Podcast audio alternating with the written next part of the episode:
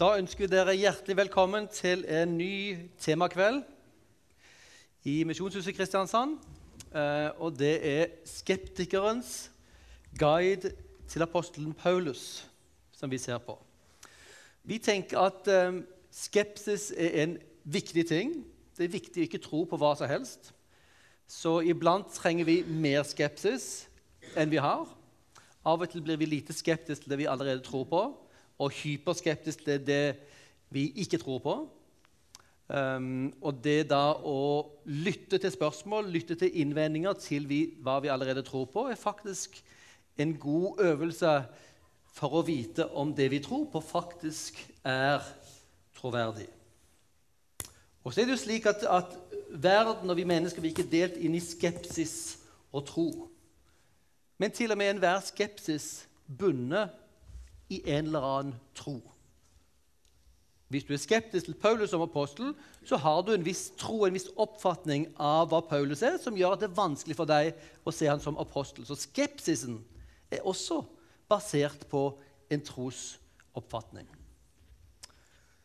Og Vi ønsker å få disse spørsmålene opp i luften, um, opp i frisk luft, så vi kan se på dem, undersøke dem. Uh, og um, jeg tenker at vi faktisk har mye å lære av spørsmål. Akkurat på samme måte som vi har mye å lære av samtaler med mennesker som ikke tror på det samme som vi gjør. Vi har skeptikerens guide til Paulus som tema for hele høsten, og dette er den tredje samlingen. Første samlingen snakket vi om om Paulus har forvrengt Jesu budskap. Um, I oktober så spurte vi om Paulus har en forkastelig moral. Så på hans syn på kvinne og på kropp og seksualitet. I dag så skal vi se på spørsmålet om støttet Paulus slaveriet. Det er en av de ganske vanlige innvendingene mot eh, Paulus i vår tid at Paulus ser ut til å støtte slaveriet. Kan en sånn person være en moralsk autoritet, for ikke å si en åndelig autoritet for oss i dag? I desember skal vi ta opp spørsmålet om Paulus sin autoritet. Hvorfor høre på Paulus? Jeg kan allerede varsle her at uh, den datoen blir flyttet én uke um, til den 12. Onsdag 12.12. istedenfor. Fordi begge foredragsholderne er et annet sted i verden. Og uh, Frank ga oss rom her i Misjonshuset. Forsamlingslederen ga oss rom. Den 12. Det skal visstnok ikke være konflikt med noe.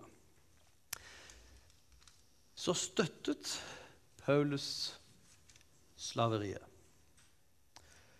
Vi har uh, nevnt Tom Egeland flere ganger i denne her serien. Han har en fantastisk uh, anledning for oss til å sette Paulus på dagsorden. Um, og uh, Jeg håper noen av dere har fått lest den boken nå når vi har nevnt den flere ganger nå i høst. Dere har sett den på, på reklamen for, for, disse kveldene.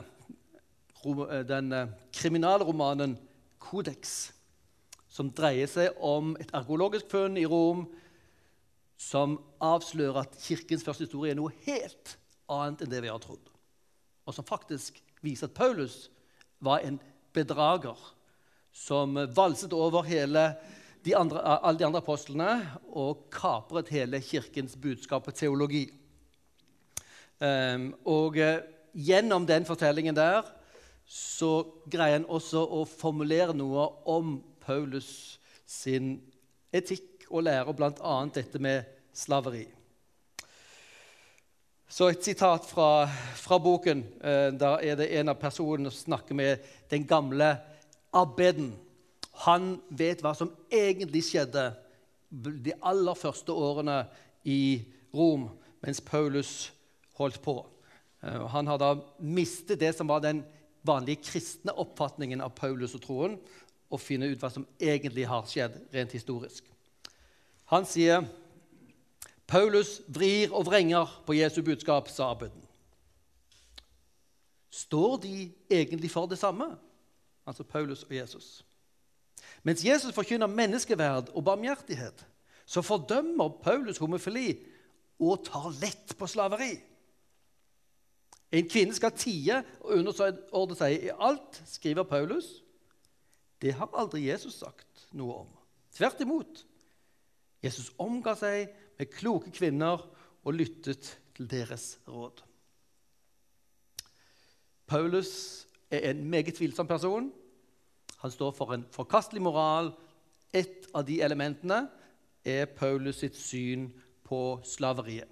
Her formulerer han seg litt forsiktig. Han sier Paulus tar lett på slaveriet. Vi kunne kanskje ventet, hvis han ville ha den ordentlige spissen på det, at Paulus faktisk støttet slaveriet, som noen andre har sagt. Hvis vi, hvis vi på en måte summerer opp noe av innvendingene som vi kunne få i møte med dette spørsmålet, så kan vi for det første si, og det blir sagt, at Paulus angriper jo aldri slaveriet som institusjon. Paulus aksepterer rett og slett slaveriet. Ikke bare ikke angripende, men det ser ut som Paulus bare forutsetter å akseptere det. Som når han sier f.eks. i 1. Korinterbrev Enhver skal forbli der, der han var da han ble kalt. Ble du kalt som slave? La ikke det bekymre deg. Slaveri er helt ok. Don't worry. Dere slaver må slappe av. Fortsett å være det. Det høres ganske brutalt ut. Ufølsomt og moralsk høyst problematisk. Du kan forsterke denne her med å si at det synes som Paulus støtter slaveriet til og med.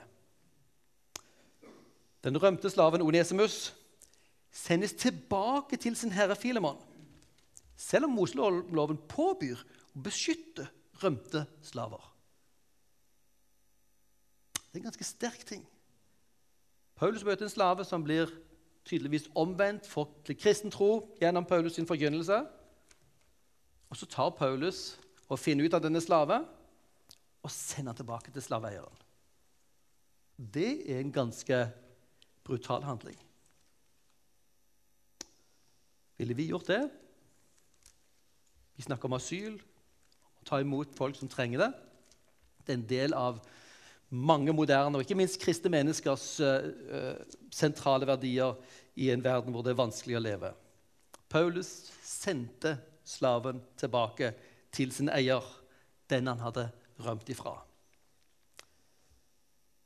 Og det fjerde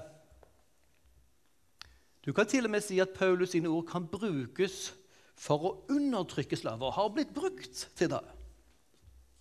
Som f.eks. i Kolosserbrevet kapittel 3.: Slaver, adlyd deres jordiske herrer i alt.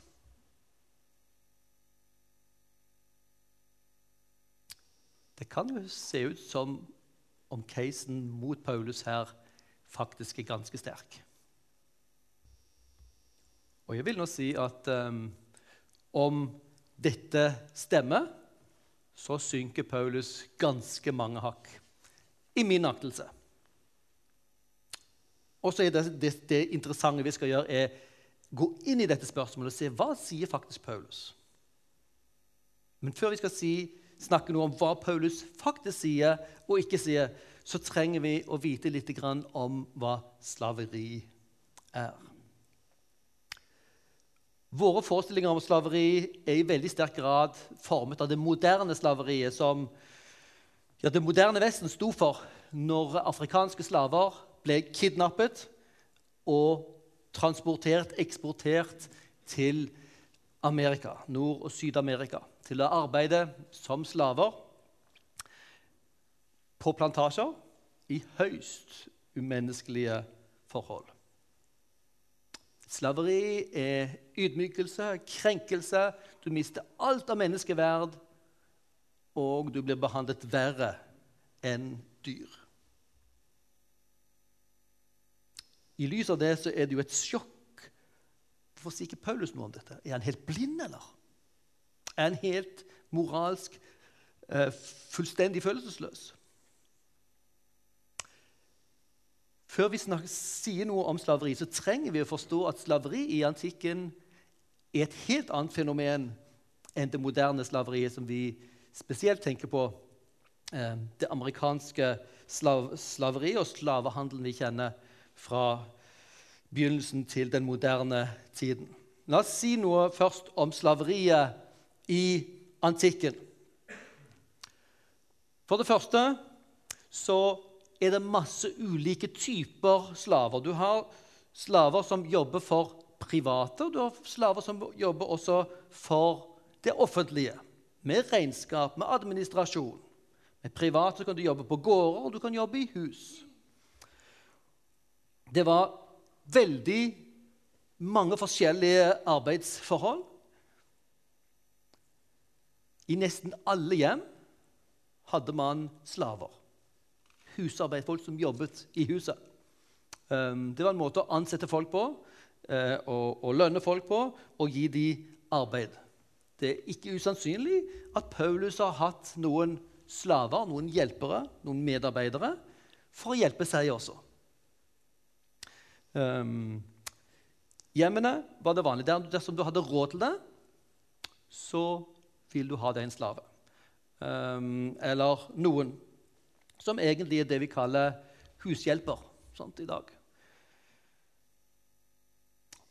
Du kunne jobbe i administrasjonen i huset. Du kunne være regnskapsfører, og det var et kjempestort ansvar. Jesus har flere lignelser om, eh, om økonomer, og de var veldig ofte slaver som hadde fått stort ansvar. Um, og du kunne jobbe både i statsadministrasjonen og i hjem og i bedrifter i økonomier. Du kunne jobbe også på gårder på landsbygda, og da var ofte forholdene ganske mye tøffere. Jobber du i byene, ok, da var det mye større orden på, eh, på, livet, og det var mye mer overlevelig. Du kunne faktisk ha dine egne inntekter. Jobbet du på gård, ja, alle ute på gården de jobbet for å holde liv i seg sjøl og liv i andre. Det var et hardt arbeid, og det merket også slavene. Det aller verste typen slavearbeid var det å bli satt til å jobbe i gruver og i steinbrudd, som vi vet tusener ble gjort. Um, og, og, vi vet at uh, titusener av jøder ble jo sendt til å jobbe i steinbrudd mange forskjellige steder i, i Romerike etter at uh, Jerusalem bl.a. ble eh, falt for romerne. Det var ikke forventet at du skulle leve lenge, og det var jo en del av en straff. Og Dermed så kommer også dette, her, dette med bakgrunnen for slaveri. Hvorfor ender du opp som slave? Det, den store grunnen til slaveriet i Romerriket rundt, rundt Paulus' sin tid var at folk var blitt tatt som fanger i krigsbytte. Jeg lurer på om ikke det var Julius Cæsar som, som, kom med sin, sin hær opp til Gallia, til Frankrike. og Da var det, en, det, var det folk som fulgte med hæren, og en, bl.a. en slavehandler. Eh, og Det fortelles at på, i løpet etter ett slag så fikk denne slavehandleren 53 000 slaver. Etter ett slag. Det var business, det. Han betalte nok sikkert eh, hærføreren en god del. Men dette var en svær del av måten Romerriket ble bygd på. Og det er jo interessant, akkurat sånn som vi har nå funnet olje i det moderne Vesten, og nå er vi helt avhengig av oljen. Har gjort oss helt avhengig av oljen. Det skjedde også i Romerriket. Enormt antall slaver. Sånn de begynte å bli den store energien til hele det som bygde Romerriket. De ble mer og mer avhengig av slaveriet eh, som grunnlag for utvikling. Og vanlige folk, eller romere, borgere, de ville ha mindre og mindre med praktisk arbeid å gjøre. Og så endte man opp til å se ned på praktisk arbeid. Det var slavearbeid. Det kunne også være du kan ende som slave pga. straff. Altså Har du gjort noe alvorlig, så kan du risikere å bli, eh, bli solgt eller gitt, gitt, bort som slave. Eh, og Da var det jo ofte da, et antall år som fulgte med dette. Eh, sånn som vi kjenner det eh, afrikansk-amerikanske slaveriet, så var jo dette noe som var for livstid for alle. Sånn var det ikke med slaveriet i, i antikken, i, i Romerriket. Det var et tidsavgrenset type slaveri. Den siste formen var om du kom i gjeld, om du kom i gjeld til noen du ikke kunne betale, så var muligheten for deg at du solgte deg selv som slave. Du arbeidet altså for noen i 5, 10, 15, kanskje 20 år. Og dermed, etter det, så var du fri. Det var en måte å jobbe seg ut av et bunnløs eh, gjeld på. Så Dermed ser man at, at, slaveri var veldig mange forskjellige ting. Det er ikke bare én ting. Så når vi snakker om mot slaveriet, så kan det være nesten som mot uh, ansettelse mot å arbeide for noen. Hvis vi ser på, på uh, befolkningen, så var faktisk slaven en stor del av befolkningen. Og, og der har jeg sett prosentene sprike ganske kraftig, fra 10 til 20-30% i Romerriket. Sannsynligvis er det litt avhengig av hvilket, hvilket århundre og tiår man snakker om. Men hvis vi prøver å være litt forsiktige her, så kanskje 10% av befolkningen i Romerriket eh, var slaver. Men de utgjorde altså kanskje 90% av arbeidet som ble utført i Romerriket. Når vi da tenker på å, disse romerne var fantastiske Ikke om dere har vært nede i Rom, Dere trenger ikke være i Rom, dere kan ha vært i Israel, hele Midtøsten eller i Spania eller i England og sett de fantastiske tingene de har bygd. Romerne var bra, men det var jo slavene som gjorde jobben. Så dette er et produkt av, eh, av en ganske kynisk og brutal eh, business eh, som var genial, dessverre. Når vi går til byene, så var prosentandelen slaver mye større. Og går vi til Italia, så snakker man om 30-40% av befolkningen var slaver. Italia det var sentrum for, for eh, Romerriket. Og det er naturlig kanskje da at, at, flest mulig der ønsker å ha mest mulig behagelig liv, og, og der har de kanskje råd til å ha flere slaver også. Og Det er jo interessant i, i um, ikke Romerriket, men Romerbrevet, slutten av Romerbrevet, hvor Paulus hilser til mange, så er det mange slavenavn akkurat i brevet til Rom. Titusener av slaver fra også fra, fra Israel, av jødene. De var spredt rundt i Romerriket. Og jødene var en sånn type folk at de bevarte sin identitet også som slaver. Og hadde, det, hadde gode forhold, så kunne de fortsette å være jøder og så gjøre en god jobb også som slaverarbeidere rundt omkring. La, la, la oss komme med noen flere presisjoner om uh, slaveri i antikken. Det var ikke rasebasert. Når vi tenker slaveri, så tenker vi med en gang rasisme. I antikken var det ikke rasebasert.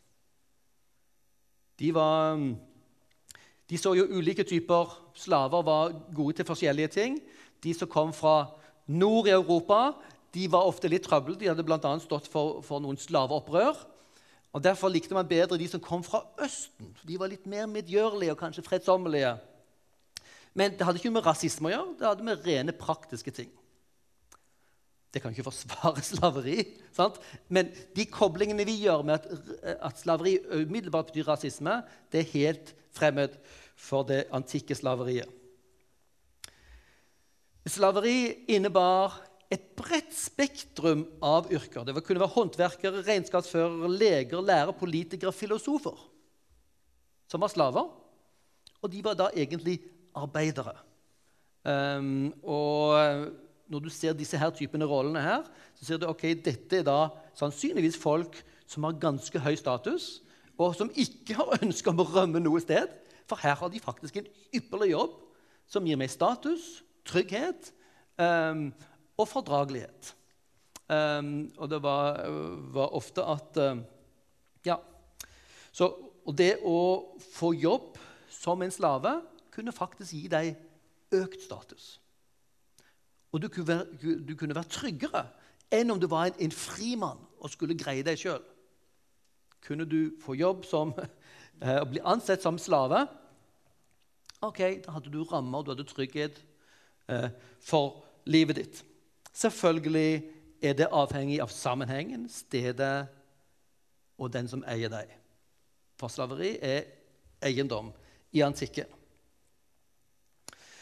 I antikken romerske slaver kunne også tjene egne penger. Peculium kalles det.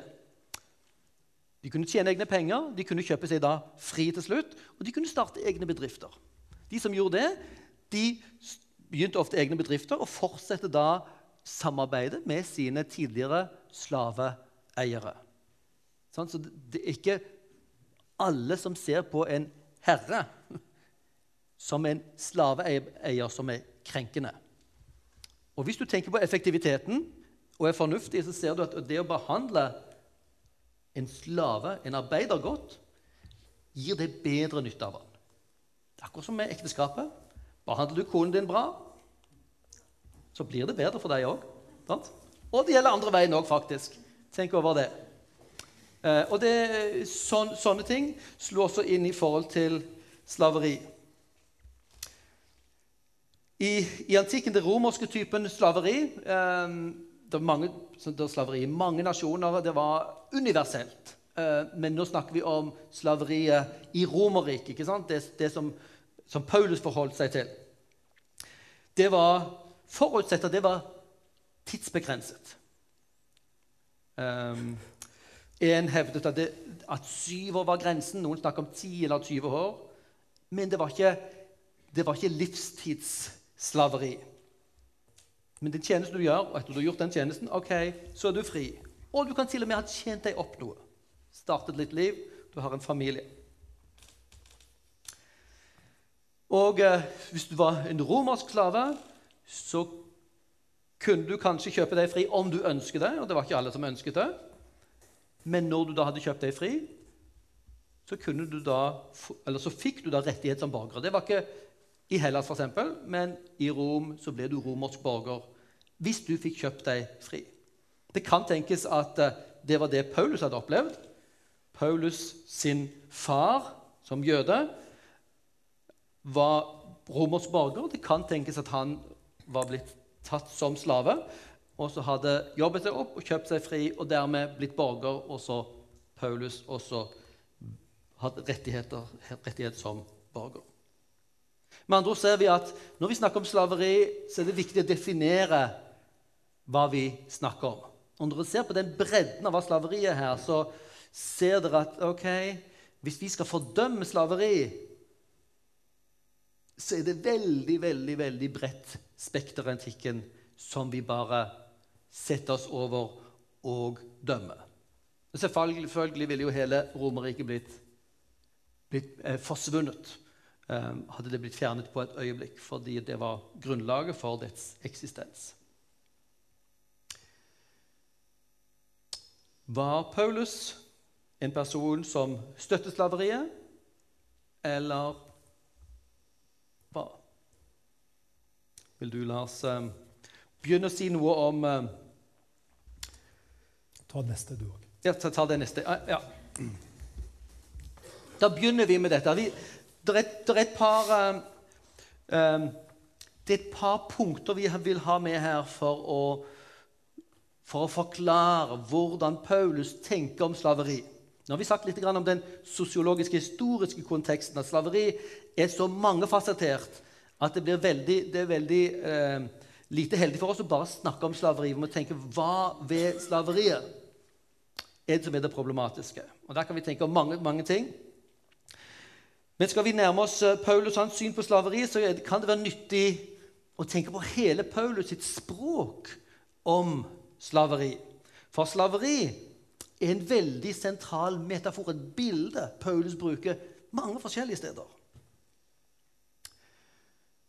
For det første er slaveri for en som er en troende jøde, en negativ ting. Det er ufrihet. Tenk på befrielsen fra slaveriet i Egypt, som av jødene ble feiret hvert år ideelt sett i Jerusalem. Hvor Gud satte oss fri fra slaveriet under farao. Det var urett. Dere er mitt folk. Farao har ingen rett til å behandle dere slik. Så slaveri og befrielse var en sentral motiv i hele den jødiske identiteten og tenkningen. Og, og selvfølgelig skapte det viss frustrasjon og um, vi kan kalle det kognitiv dissonans mellom ok, jeg er en fri jøde, lever i, i Israel på Paulus sin tid, men under romersk herredømme. Er vi fri? Ok, Vi er kanskje ikke slaver, men mange var også slaver.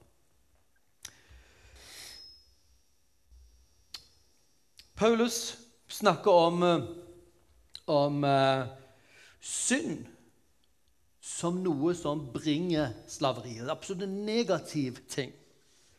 Hør her i Romerne 6, uh, 17. Vet dere, noen, vet dere ikke at når dere går i tjeneste hos noen og adlyder ham, da blir dere hans slaver?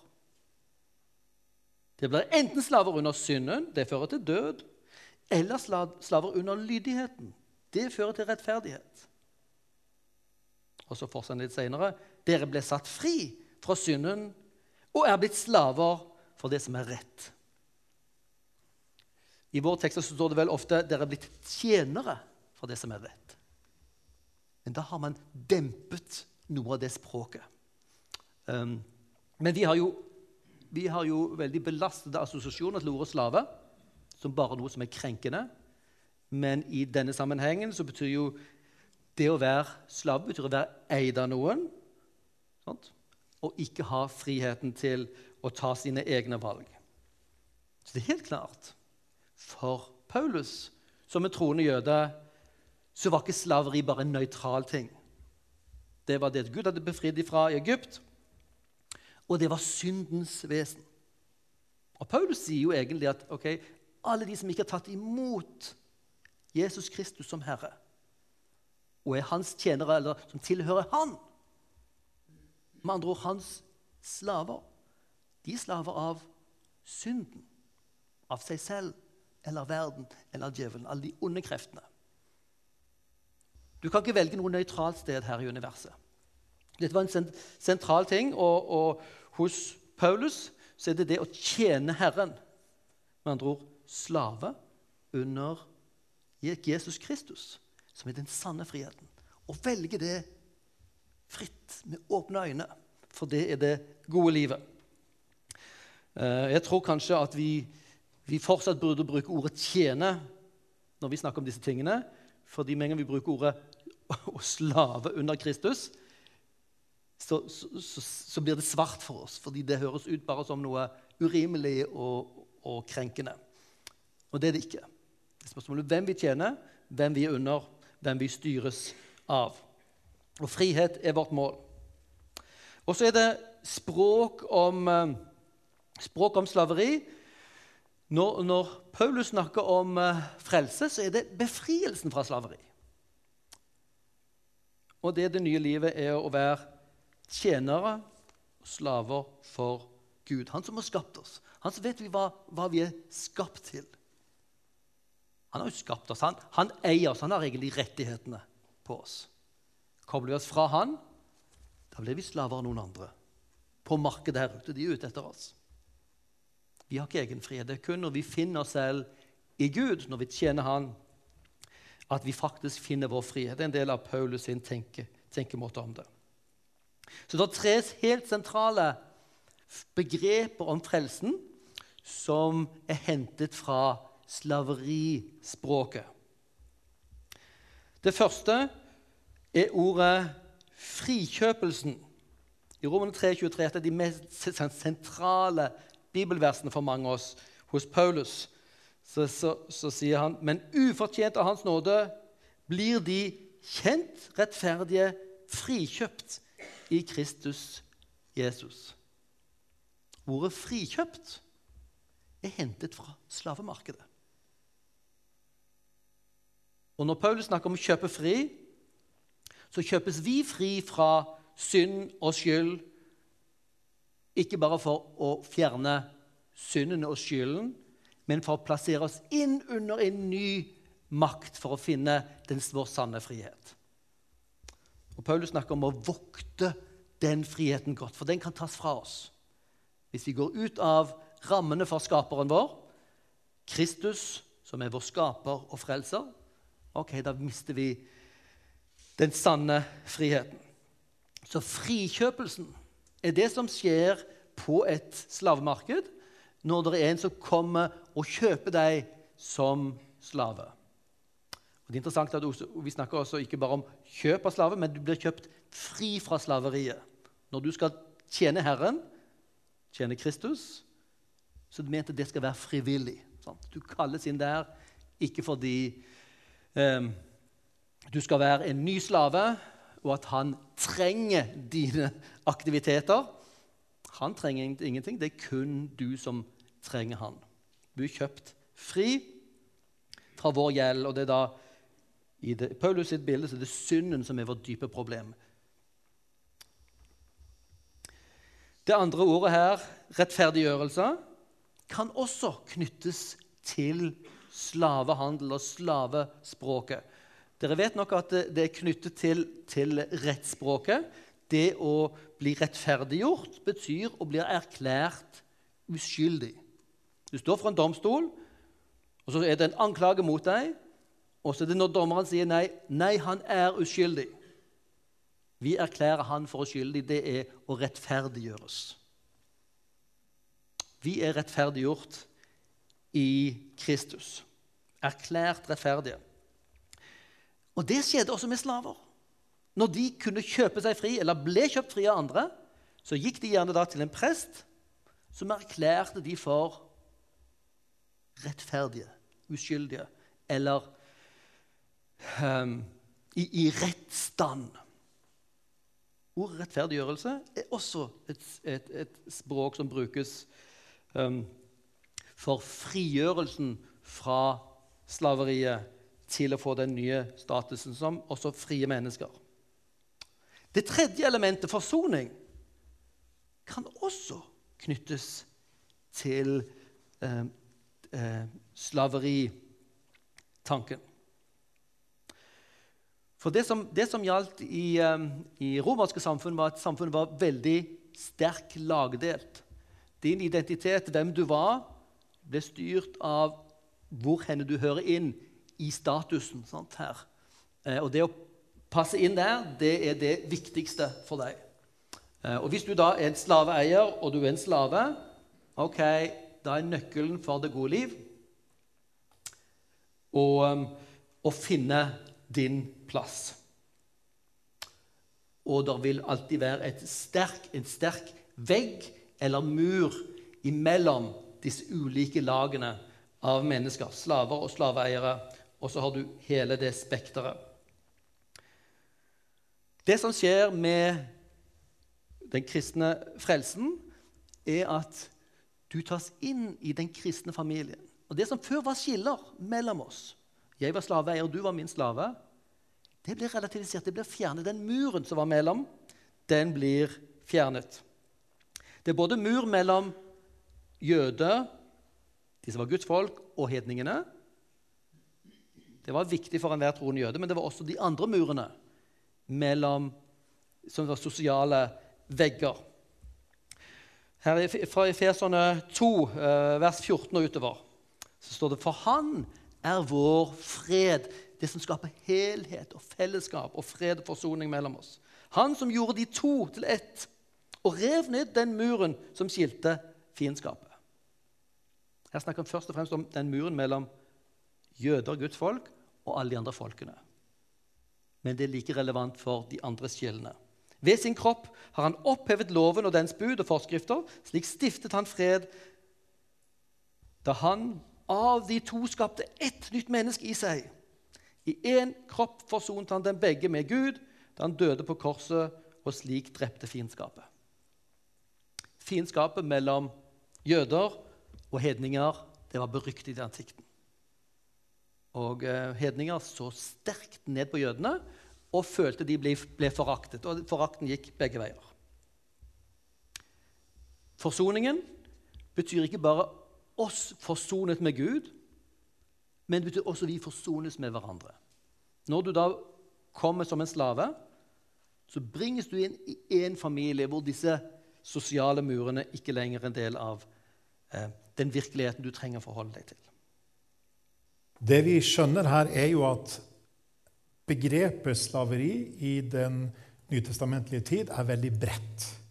Det rommer alle mulige slags avskygninger og var veldig avhengig av den enkelte situasjon og den enkelte stand og sammenheng som folk var i. Og så ser vi det interessante her, som vi akkurat har hørt nå, at eh, en rekke av de mest sentrale bibelske begrepene er faktisk henta fra dette samfunnsfeltet. Det betyr jo selvsagt ikke med det at, all, at Nytestamentet forsvarer enhver form for slaveri. Det skal vi se litt nærmere på. Men dette er en viktig bakgrunn. Og for å spisse det til enda litt mer Det er ikke bare det at slaveri brukes som bilde, metafor, men slav, begrepet slave brukes faktisk som ærestittel. Som noe som er flott, positivt. Vi skal se på et eksempel. På gresk så Eller to eksempler. På gresk så har vi eh, ordet 'dulos', som egentlig er slave. Men vi som Bjørn sa, vi oversetter det som tjener, fordi klangen i det er breiere enn vår, vårt ord slave, sånn som er kun negativ. Vi assosierer negativt med det. Bruke, hvordan brukes så det, da?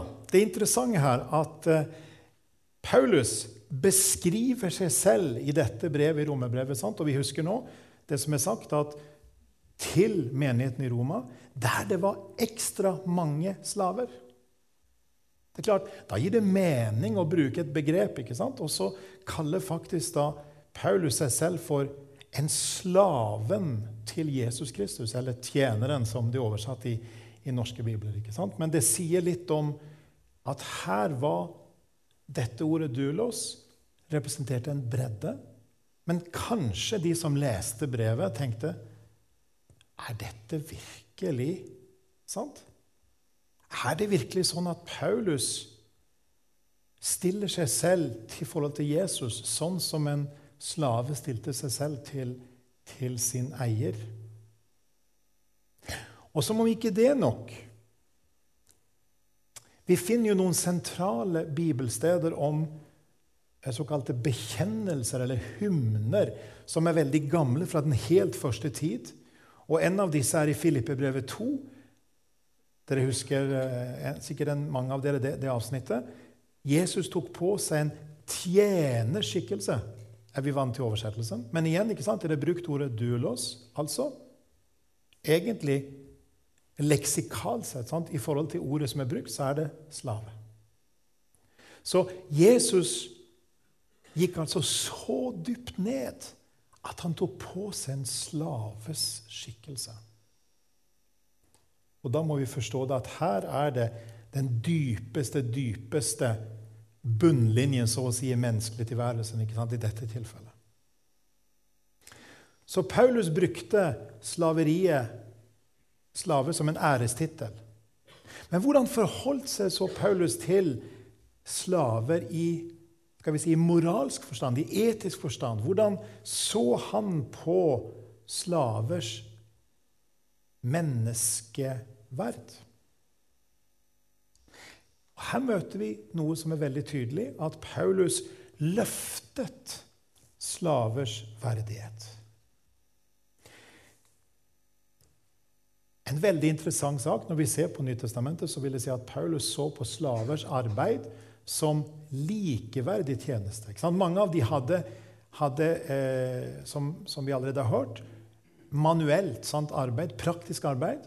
Og det var ikke sånn at det var mindreverdig, men det var likeverdig. Det var ikke det at det å være fri var mer høyverdig som arbeid, men det å være slave var mindreverdig.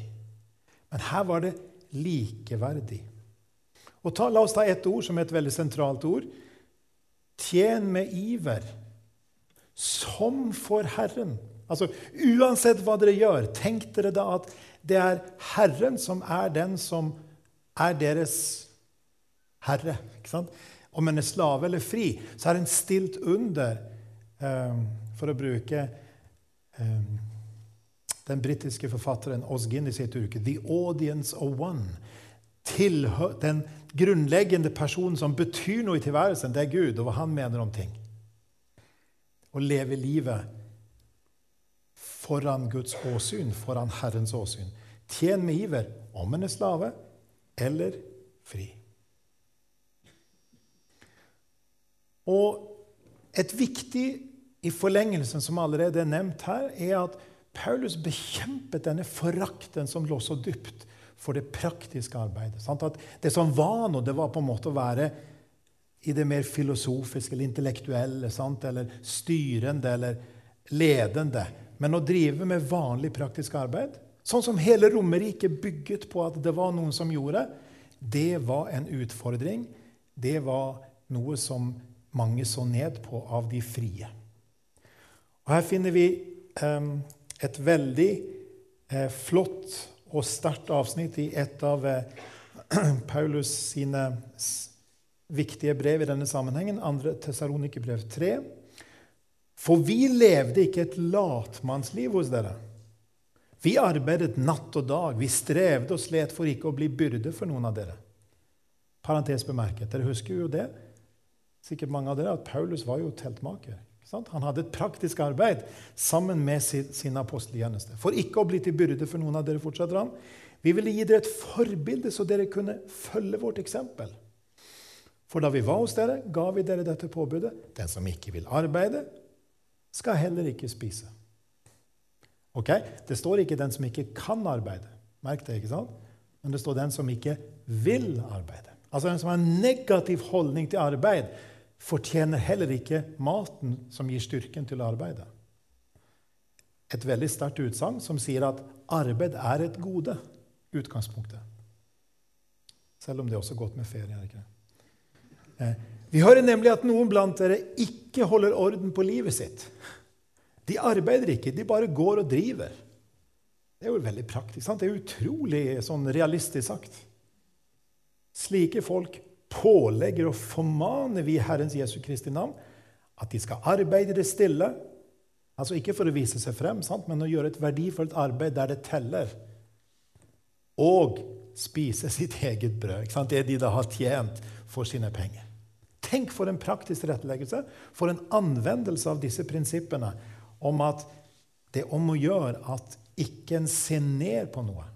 Og det er klart I forskjellige kulturer eller setninger så kan en se ned på ulike typer ting. hvis vi skal anvende dette også inn i andre samfunns... Det er ikke alltid sånn at det er det praktiske som blir vurdert som det lavere. Det kan også være andre veien. Sant? At en, en, en, ser på andre typer arbeid som mindre viktig enn det praktiske.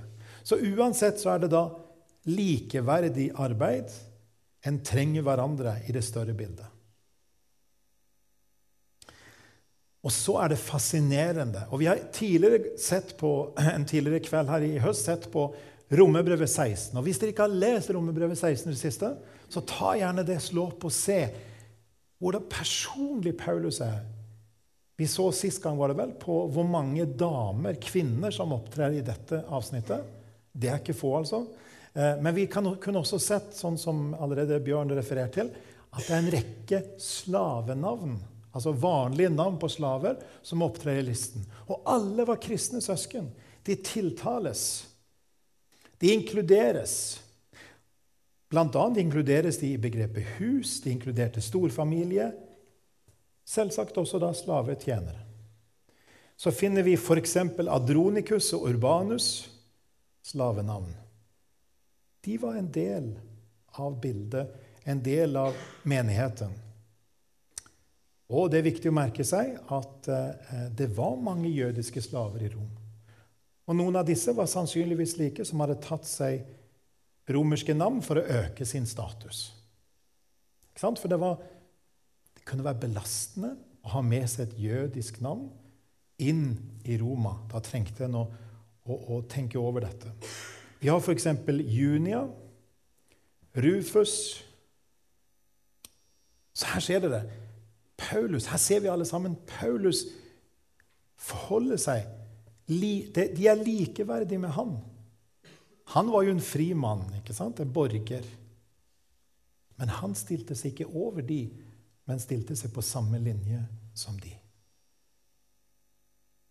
Så ser vi at Paulus sine formaninger til slaver de var motkulturelle. Som vi allerede har sett. Eh, slaver tiltales. Eh, det var en oppfordring til å være lydige og vise den respekt de har krav på, så ikke Guds navn skulle bli spottet. Med andre ord så er det et poeng at slavene skulle vise et ekte tjenerskinn i hverdagen. Og så å si gjøre eh, Vise den kristne troen i praksis. Vise et tjenerskinn. Men det gjaldt selvsagt også herrene. Og helt opplagt så er det her bekymring for hva som kunne være tilfellet hvis Paulus hadde oppfordra til f.eks. å gjøre opprør mot ordningene. Det er klart Med så mange slaver, tenk dere 30-40 eh, i, i Italia f.eks.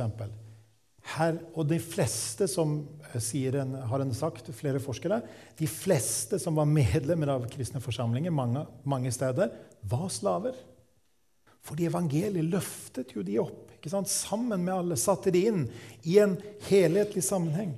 Det er klart, En måtte tenke igjennom dette, og det gjorde Paulus. Og Derfor så er det her et poeng at en skal være lydig, en skal tjene med iver, som for Herren. Dette gir slaver en ny verdighet, likestilt. Og så er det en oppfordring til om å ikke bekymre seg midt oppi alt. Og Dette kommer vi tilbake til eh, eh, etter pausen om et øyeblikk. Men her er det altså tydelige formaninger. Og merk dere at de var slik at de anerkjente slavene som likeverdige med de frie, en del av den samme kristne forsamling. Du er Herrens frikjøpte. Og det gjaldt selvsagt også herrene. Det, det bildet som, tegnet, som Bjørn tegna her tidligere om, om, frikjøpt, det gjaldt jo selvsagt ikke bare slavene. Sant? Alle var frikjøpt fordi alle hadde, døden, hadde synden som, som, en utfordring og et problem. Og så var det et poeng i 1. Korinterbrev 7. En oppfordring hos Paulus. Ja, det er sant. Paulus sier tydelig, 'Kjøp deg fri om du er slave, om du er tjener, om det er mulig. Med andre ord en tydelig og sterk oppfordring til det var ikke nødvendig å bli værende i dette. Det var faktisk det ønskelige, om det var mulig å komme ut av dette og bli fri. Og Derfor ser vi at her er det en relativisering av slavestatusen. Sant? Den, den, har ikke den vekten som den hadde ellers i samfunnet, fordi det er noen ting som er viktigere.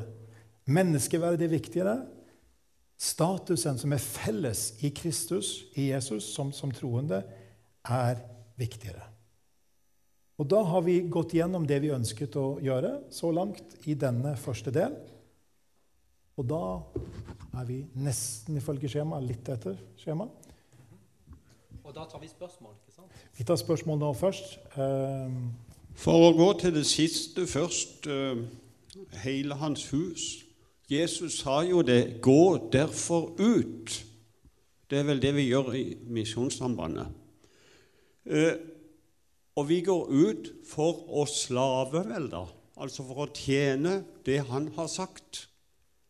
Og så sier oss vel Romerbrevet òg at uh, lønna, det er jo helliggjørelsen og til slutt det evige liv. Jeg tenker jeg galt da hvis jeg sier som så at vi er nøyteslave, akkurat som vi hadde barnearbeiderne som slaver. Tenk på de på Røros i gruvene. De fikk jo ikke lov til å sitte i kirka engang. De måtte ligge på loftet. Altså, Har vi ikke hatt i alle dager slaver ikke vi under staten? Eh, vi, jo, vi tjener jo staten. Hvis ikke vi gjør det, så får vi jo ikke trygda. Og da er vi jo fri og går og bare slenger, og så finner vi oss arbeid så vi kan slave under. Ja. brukten. Gjenbruken. ja, tenker jeg galt? Takk, takk. Takk skal du ha. Det var et uh, veldig interessant spørsmål. Ja? Jeg lurer litt på hva som er hovedgrunnen til at jødene i så stor grad har blitt forfulgt, og fremdeles blir forfulgt. Blir sett ned på, forakta, blir kasta på sjøen helst. Hva er hovedgrunnen? Er det at de var et litterært folk og egentlig på mange måter sto over andre, visste mer, kunne mer? Og Da er jo bakgrunnen, slik jeg forstår spørsmålet ditt, at en måte å bli forfulgt på var å bli slaver, f.eks. Ikke sant? Ja. Mm. Det var jo slaver med i forsamlinga. Da måtte de jo ha noe fritid. Hvis de kunne gå, samles med de andre.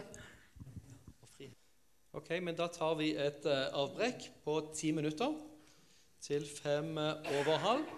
Og så starter vi raskt igjen. og Vi, skal, vi uh, tar spørsmålene, og så har vi et par punkter til. Og så kan dere fortsatt stille noen spørsmål igjen. Vi skal være ferdig til kvart over ni i dag.